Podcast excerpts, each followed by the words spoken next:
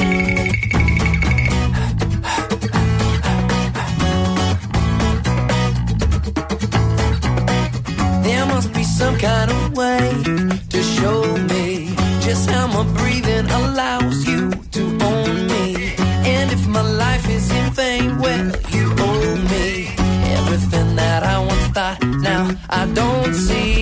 L'aparent somriure perfecte de Tom Cruise va canviar el 2003. Aquell any l'actor es va posar ferros. Com ell, altres famosos han portat ortodòncia.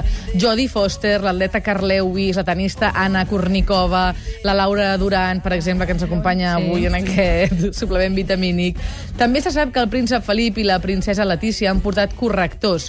I és que des de fa uns 5 anys que una persona adulta porti ferros, com diem popularment, ja no és tan estrany. Cada cop són més i de més edat els que busquen tenir un somriure perfecte com el que tindrà la Laura Duran en dos o tres mesos. Laura, situa'ns una miqueta. Doncs mira, en els pròxims 10 anys es preveu que augmenti un 50% el nombre de dentistes a tot l'estat espanyol.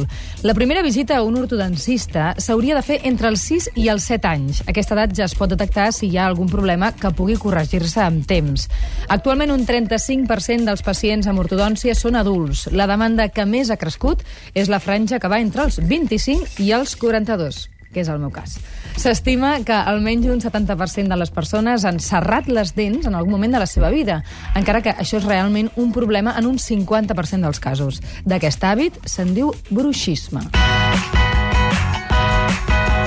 Però nosaltres li direm bruxisme, Ens perquè si no encara es pensarà algú que fem Bruixes. coses estranyes amb les bruixes. Nosaltres volem parlar de tot aquest tema amb la nostra convidada, que és la Isabel Villafranca, que és metge estomacòleg, especialitzada en ortodòncia. Bon dia i benvinguda. Bon dia. El que dèiem, eh, portar ferros ja és una, no és una qüestió d'edat com anys enrere. Ara veiem gent adulta que es posa sense cap mena de complex uns ferros a la boca per corregir-se l'ortodòncia. Això mateix. Eh, està comprovat que el procés biològic que fa moure les dents és el mateix en nens que en adults. Ja no hi ha un límit d'edat. Es poden ficar els ferros als 20, 30, 40, fins als 60 anys. Però diríem que l'edat ho dificulta una miqueta més o ho facilita? Eh, eh, la, ara en els adults no hi ha creixement i el moviment és una miqueta més lent. Uh -huh. I, per altra part, els adults eh, tenen més problemes a la seva boca. Ja són boques que a vegades falten... Viscudes, no? Això Clar. mateix. Falten peces dentals o tenen altres problemes i això una miqueta pot dificultar més el tractament. Uh -huh. uh, de mitjana estem parlant que un nen, una nena petit, posem què, 10-12 anys, és l'edat perfecta per posar uns ferros amb un nen que té ja totes les peces... Eh, normalment eh, intentem que tingui totes les dents definitives i això mm, és cap als 12 anys. Uh -huh. El que passa que hi ha maloclusions que mm, s'han de tractar abans. Per això és important eh, fer revisions al dentista a partir dels 6 anys. A partir dels 6 anys, un cop l'any? Això mateix. Molt bé.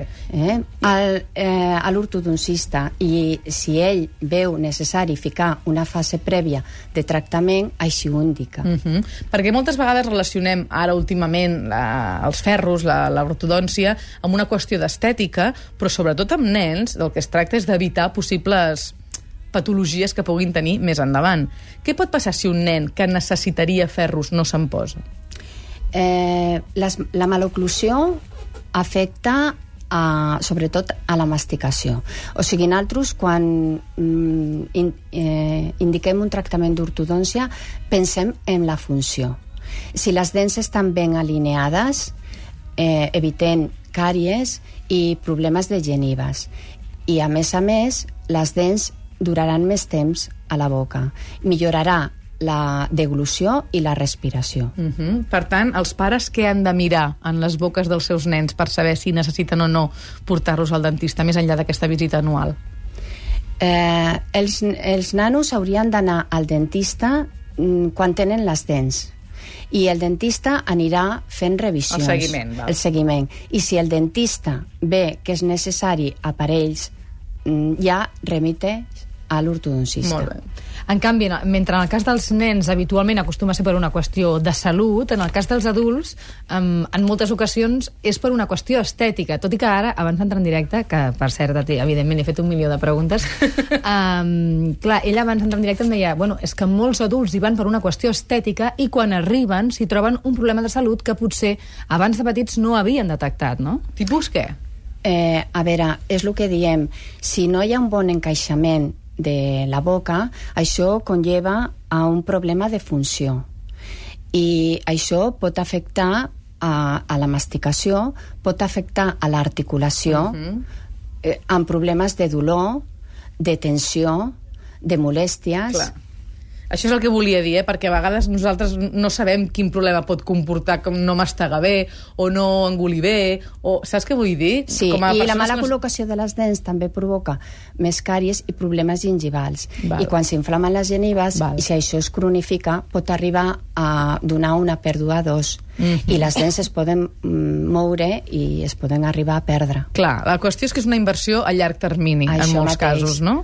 Perquè eh, nosaltres busquem la salut bucodental. Uh -huh. eh? I després, quan ve un pacient, en aquest cas ja més adult, o no, o adolescent, que decideix que la seva boca no està prou bé estèticament, el dentista és eh, el responsable de dir-li si efectivament li cal portar ortodòncia o si n'està fent un gramassa? Clar, jo sempre penso que ha de ser l'especialista. En qualsevol cas, pot ser contraproduent posar-se ferros si no els necessites? Vull dir, saps? Si tens una petita dent muntada damunt d'una altra que tampoc, que ningú mai t'ha vist i que només te la mires tu perquè una vegada algú t'ho va Sí, comentar, això li, al pacient li supon un petit problema. no hi ha problema en posar-se. Ah, això està clar. Mai també, és dolent posar-se ferros, clar, això és el que vol dir eh, el, Isabel. el resultat final també és un Sempre resultat serà millor que el que hi estètic. havia, efectivament. Clar. Clar. Molt bé. I aleshores, quan parlem en terminis de temps, quina és la mitjana de temps que algú ha de portar els ferros? Eh, Entre un any i mig i dos, però això depèn del problema. Evidentment. Clar, Mhm. depèn de la maloclusió. Uh -huh. A més, ara hi ha un altre, un altre tipus d'ortodòncia, que és l'ortodòncia invisible. Explica'ns com funciona i què és. Eh, a veure, l'ortodòncia, mm, buscant la estètica, eh, s'ha ha canviat les tècniques. Els bràquets eh, de sempre s'havien ficat per sobre de les dents. Sí. I ja fa anys que eh, es fiquen les, els braques per dintre. És la tècnica que nosaltres anomenem tècnica lingual. Uh -huh. A més, a part d'això, hi ha les fèrules transparents, que són unes fèrules que es van canviant i mm, van produint el moviment de les dents fins que arriben a... Uh -huh.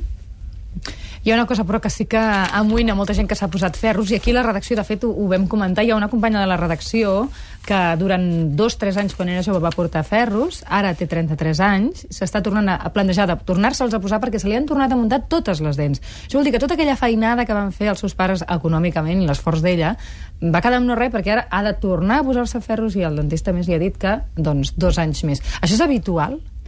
Eh, L'ortodòncia sempre ha de portar retenció. Sigui, el que dèiem de per vida, no? S'ha de portar... a moure. Clar. I el que fem habitualment és que es fica un, petit ferret per dintre perquè no es tornin a moure i uns aparells per la nit, Mhm. per conservar el que hem fet. Ara Però que... de per vida hauran d'anar aquests, aquests aparells de nit? Mm, El... Depèn de la maloclusió, però en general sí, perquè les rotacions sobretot tenen una gran tendència a tornar-se a produir. I mm, sempre ha d'haver-hi un manteniment. Uh -huh.